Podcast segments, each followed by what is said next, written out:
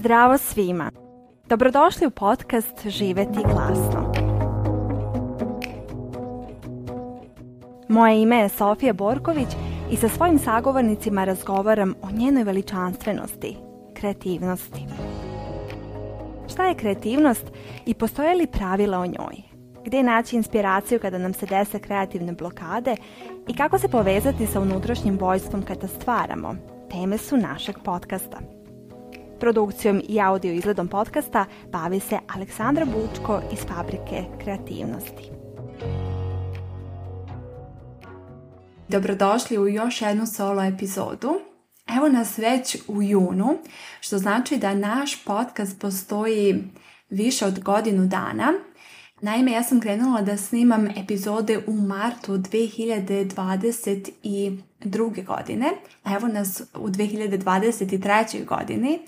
i ceo taj put je bio jako kreativan, jako motivišuć i najzgled neplaniran, ali neću sada pričati o tome, već ću snimiti zasebnu podcast epizodu o tome što sam sve naučila i spoznala za ovih godinu dana od kada snimam podcast epizode i kako je uopšte sve to krenulo jer je bilo jako spontano i neočekivano na neki način. Tako da verujem da će ta epizoda biti zanimljiva i korisna svakome od vas ko možda razmišlja o tome da pokrene svoj podcast ali ne samo svoj podcast, nego i nešto o čemu do sada mašta i samo još uvijek sanja.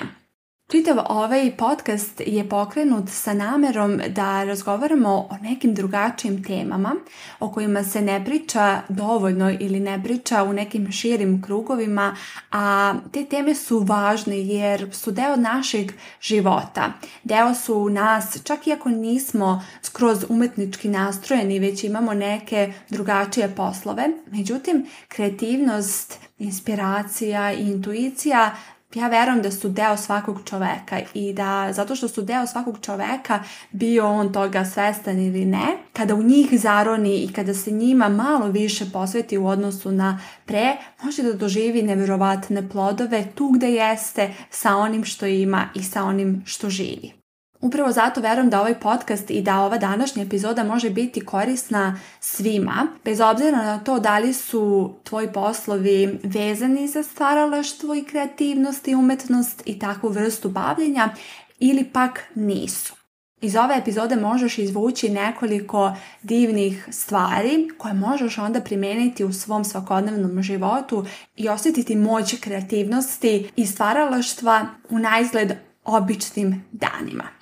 za svakoga od vas ko se bavi stvaralaštvom i umetnošću i čiji je posao kreativne prirode, ova epizoda će biti također zanimljiva jer ću u njoj da pričam o naučnoj strani i celjujućoj moći stvaralaštva i kreativnosti. Tako da te pozivam da ostaneš do kraja ove epizode i čuješ šta je sve nauka rekla o stvaralaštvu i kreativnosti. Većina nas koja neguje kreativnost u svakodnevnom životu zna njenu moć i njenu potentnost. Zna kako nas kreativnost može uputiti ka novim mogućnostima, otkriti drugačije svetove u ovom svetu u kome već sada živimo, dopustiti da volimo nepoznato, dopustiti da probamo nešto što nikada nismo, pomoći nam da se otvorimo za nove situacije, ljude i događaje. Za mene je sve to kreativnost i način na koji stvaramo svoje dane, bez obzira da li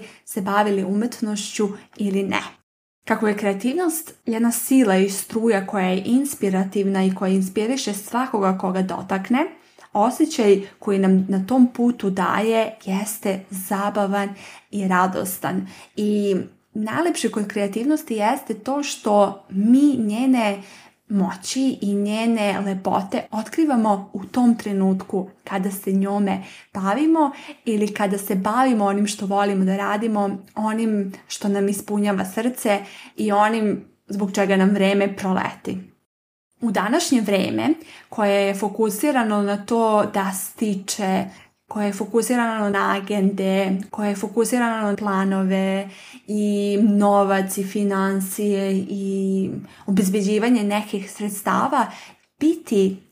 kreativac, raditi nešto zato što nam je zabavno i zato što nemamo možda nikakve koristi od toga sem one možda i najvažnije koristi, a to je da nam je lepo, da se osjećamo živima, da razumemo da je svijet i naš život mnogo veći od onoga što mi ponekad u nekim tmurnim trenucima doživljavamo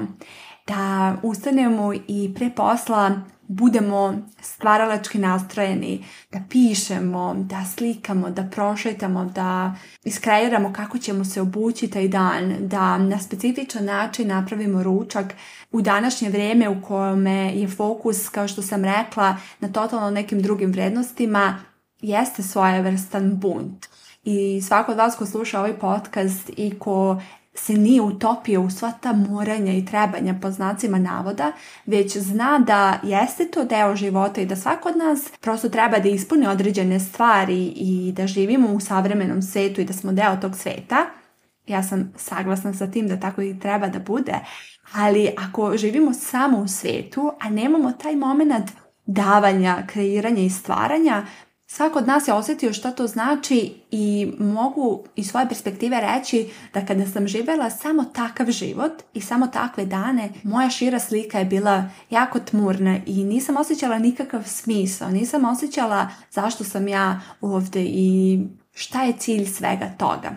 Tako da, ako još uvijek niste probali da dan, jutro, veče, kada god vama odgovara i ispunite nekim svojim hobijem i nekom radošću srca, toplo vam to preporučujem. A evo i šta nauka na sve to kaže. Nauka kaže da zabava i osjećaj stvaranja poboljšava naš osjećaj povezanosti kako sa drugima, tako i sa sobom i životom. Zabava također smanjuje stres i povećava sreću čineći nas radosnima i čineći nas ispunjenima sugerišući nam u nekim trenucima da pogledamo u dobru stranu svega onoga što se dešava. Upravo zato kreativnost može pomoći našem poslu da procveta, da naš život bude i ostane ispunjen. Biti svoj a to znači izražavati sebe glasno i krasno na nama svojstven način, vodi nas ka sobstvenoj svrsi i mnoštvu mogućnosti, možda čak i novim klijentima, ako je naša svrha profesionalna i ako želimo da pokrenemo kreativnost kako bismo još bili bolji u tom nekom profesionalnom smislu ili u nauci ili u nekim poslovima koji najzgled nemaju veze sa stvaralaštvom a ona nas također može i okrenuti ka tome da budemo bolji svojim partnerima ili da pronađemo ljude koji su u skladu sa nama, koji dele naše vrednosti ukoliko želimo da se u tome pak ostvarimo. Kreativnost, posebno kada je u vezi sa samoizražavanjem, također može poboljšati imunološku funkciju, raspoloženje i otpornost onu čuvenu reč rezilijatnost ili otpornost na sve ono što se dešava svakodnevno. Međutim, da bismo mogli da dođemo do te tačke da osjećamo koliko nam to znači, koliko nam godi i koliko nam je lepo da se time bavimo, važno je da se prisjetimo i da se vratimo u to neko stanje kada smo bili deca, da se setimo kako je bio dobar osjećaj stvarati umetnost, pevati pesme, igrati igrice, kretati telo. Ispred moje zgrade nalazi se predivan park i deca se tu često igraju i pevaju i vrište i ne znam, rade svašta nešto što je njima zabavno i nekad stvarno volim da ih posmatram da gledam koliko oni uživaju u životu i koliko znaju da je zabava najvažniji sastojak njihove svakodnevice i dana. I znam da neki ljudi mogu da kažu da je njima lako jer postoji ona poslovica od kolevke pa do groba najlepše je djačko doba. Pa ipak ako se svi setimo, nije nam bilo tako lako da idemo u školu, da se budimo ujutru i da radimo domaći zadatak i da učimo konstantno i da provodimo vrijeme sa 30 ljudi u učionici, da imamo određene profesore koji nam možda odgovaraju i ne odgovaraju. Iako danas s nama kojima radimo i plaćamo račune imamo drugačiju vrstu odgovornosti, djelo je da je tada bilo lako. Ako se svako od nas zaista prisjeti koliko nam je u nekim trenucima bilo naporno da učimo i da radimo domaći i da ispunjavamo ono što se od nas očekuje, značimo da nije baš bilo tako jednostavno, ali nam je bilo lijepo i sećamo se tih dana, verujem, upravo zbog te igre i upravo zbog toga što smo znali da je zabava esencijalna u našem danu i da dan bez zabave je zapravo samo dan za domaći zadatak, za školu i za učenje, a onda tu nema neke radosti i deče poletnosti. Ako se vratimo to doba, to nam može pomoći da danas, iako možda instiktivno i iz nas samih ne proizilazi osjećaj da to mi treba i da to je vredno, da ipak pokušamo. Jer kada pokušamo da se vratimo dečijoj nevinosti, dečijoj razigranosti, polako ćemo razumeti koliko nam je taj deo zapravo i falio, ali smo zaboravili jer mislimo da nam je nevažen i da nam ne čini nešto posebno dane i da možemo bez njega. To je isto i kao sa zdravom ishranom. Kada svaki dan jedemo zdravo, mi taj dan ne osjećamo da mi unosimo neke nutritijente specijalne i da mm, nešto posebno radimo za naše zdravlje. Ali kada prođe neki period od 3 do 6 mjeseci pa i duže i kada se okrenemo iza sebe onda vidimo tek koliko je značilo to što smo izabrali neku zdravu namirnicu, a ne nešto sa šećerom ili nešto što će nas naduti ili nešto što će nam spustiti energiju. Isto je tako i sa zabavom i sa igrom i sa kreacijom i sa stvaralaštvom. Taj dan će nam se možda učiniti kako pa nije ništa specijalno to što smo proveli pola sata radeći nešto što nam je zabavno i kako to zapravo ne doprinosi našem poslu, našem ličnom životu i našem osjećaju radosti. Ali kada to radimo svakodnevno, pojavljujući se za sebe u dužem periodu, tek onda možemo da osjetimo prave benefite svega toga. I ne kažem da treba da radimo nešto na silu, jer to svakako nije poenta, ali za one ljude koji u tom trenutku bavljenja s tobom ne osjećaju potentno svega toga, predlažem da samo nastavite i da date sebi vremena da zaista osjetite te plodove. Pa ipak za one ljude koji su toga svesni i znaju što to znači jer su nekada davno osjećali kako je biti okružen kreativnošću i milošću, oni mogu u trenutku vraćanja sebi i svom stvaralaštvu osjetiti tu magičnu silu koja nas vodi i koja nas usmerava i koja nas čini srećnima i radosnima bez obzira na našu agendu i svakodnevno bavljanje. Nauka kaže da je to tako zato što bavljenje umetnošću, bilo kao gledalac ili stvaralac, jest zdravi način za podizanje dopamina u poređenju sa mnogim drugim izvorima za zadovoljstvo i nagradu. I to je divna vest jer nekada kada ne možemo da stvaramo, možemo da idemo na mesta gdje postoji stvaralaštvo i kreativnost i gdje smo samo posmatrač. Možemo da posjetimo određenu izložbu, možemo da odemo na predstavu, možemo da odemo da plešemo, možemo da se izigramo, možemo da idemo u park sa decom i da se igramo sa njima, da ne sedimo samo i posmatramo kako se deca igraju, što često viđam u parku ispred svog stana, kako roditelji sede i posmatraju svoje djecu dok se igraju. Zašto i mi da se ne igramo sa njima? Zašto i mi da se se ne uprljamo i ne osjetimo sve čari bezbednosti i bezbrižnosti. Nauka je također dokazala da pevanje, stvaranje, igranje i kretanje imaju višestruke kognitivne, emocionalne i fizičke koristi za naš nervni sistem i da je takva vrsta učestvovanja u stvarnosti mnogo bolja za nas i naš dopamin nego kada uključimo mreže i gledamo filmove kod kuće ili binđujemo Netflix. Tako da evo sada kreće leto i ja vas pozivam da umjesto da uključite TV i uključite Netflix ili budete na mrežama, da izađete, trčite, da odete na neki ples, da pozovite svoju prijateljicu da odete na neku kreativnu radionicu, slikanje, posjetite određenu izložbu. Zato što svi mi znamo taj osjećaj kada odemo negde i kada prisustujemo umetničkom činu, osjećamo se mirno, osjećamo kao da posmatramo i učestvujemo u nekoj široj meditaciji i samo gledanje lepih stvari i lepih zgrada možda, parkova i kada se nalazimo u nekom lepom prostoru, sve to čini da se osjećamo blaženo i da upijemo ta lekovita svojstva lepog i organizovanog i cvetnog i prolećnog ili letnjeg Studija sa Univerziteta Westminster u Engleskoj imala je zanimljivo istraživanje gdje su određenu grupu ljudi koja je radila na poslu od 9 do 5 i koja je imala pauzu za ručak, pola sata ili sat, zamolili su ih da izađu napolje, da znači ne ostaju u kancelariji, već da izađu i da umjesto da provedu pauzu samo u restoranu, da odu u galeriju i da pogledaju umetnost, da provedu neko vrijeme tamo. Nakon toga su popunjavali anketu i proveravali nivo kortizola u njihovoj pljuvački, jer to je naime fiziološki indikator stresa, znači koliko imamo kortizola u našoj pljuvačci i ono do čega su došli jeste zapanjujuće.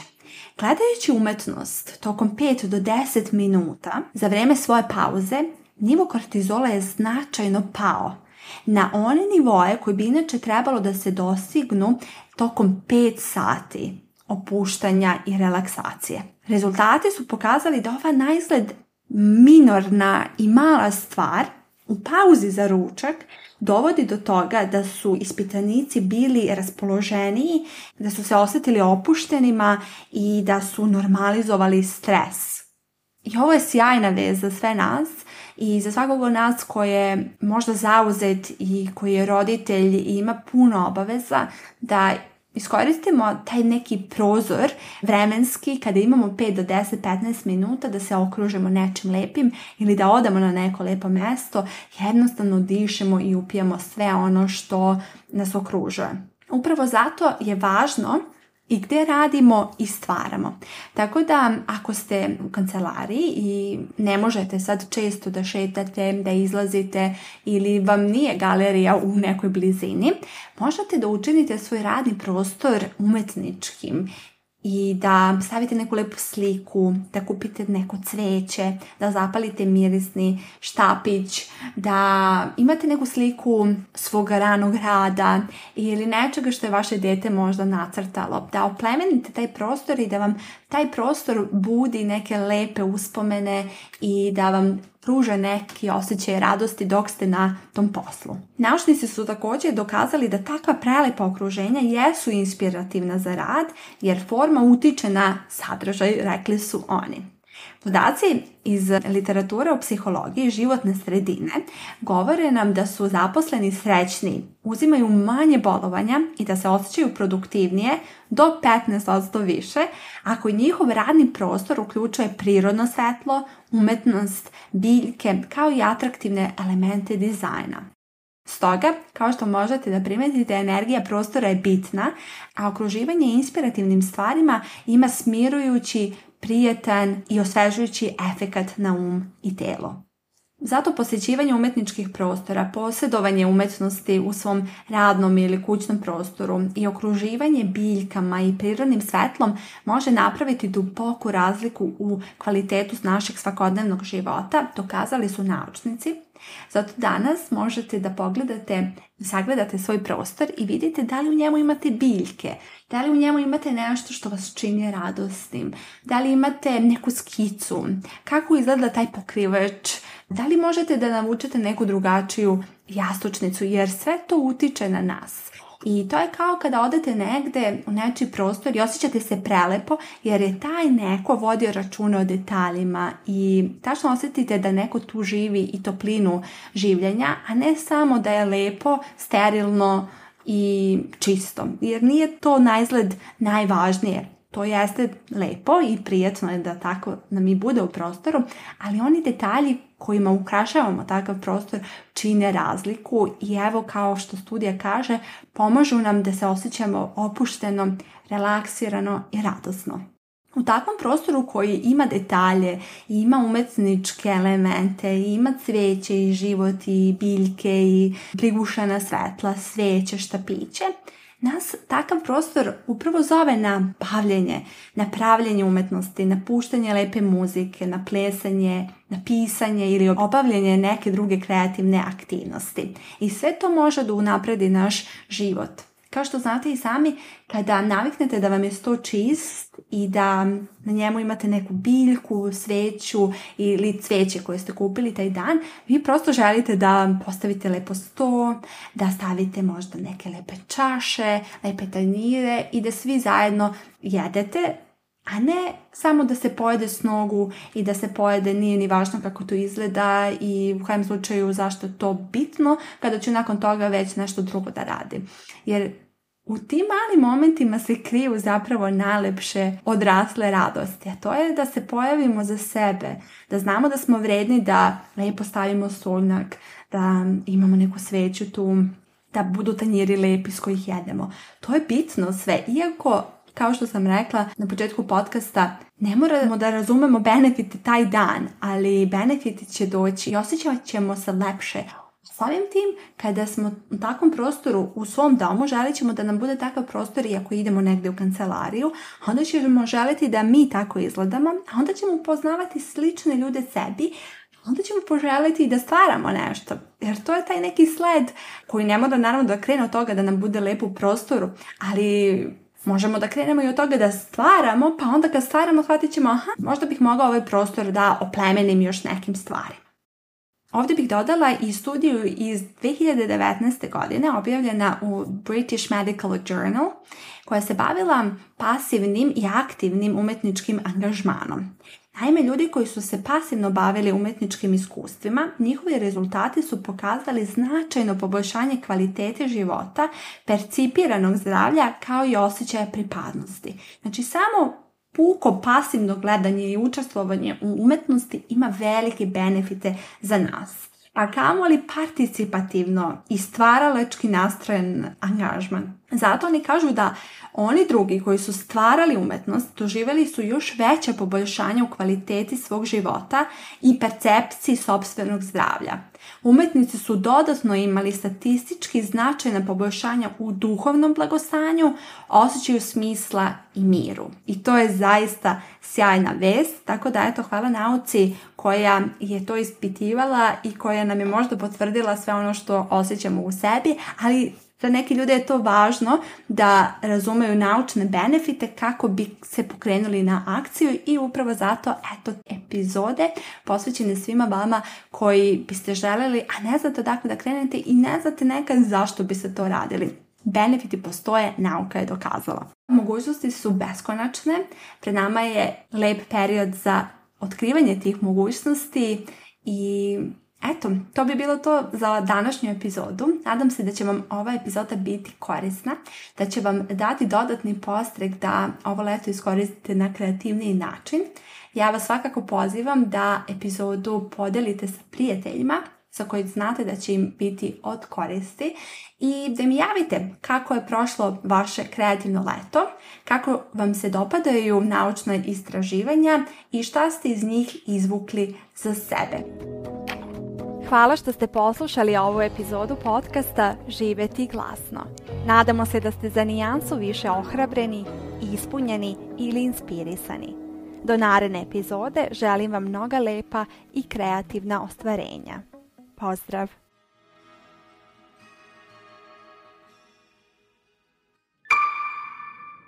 Produkcija Fabrika kreativnosti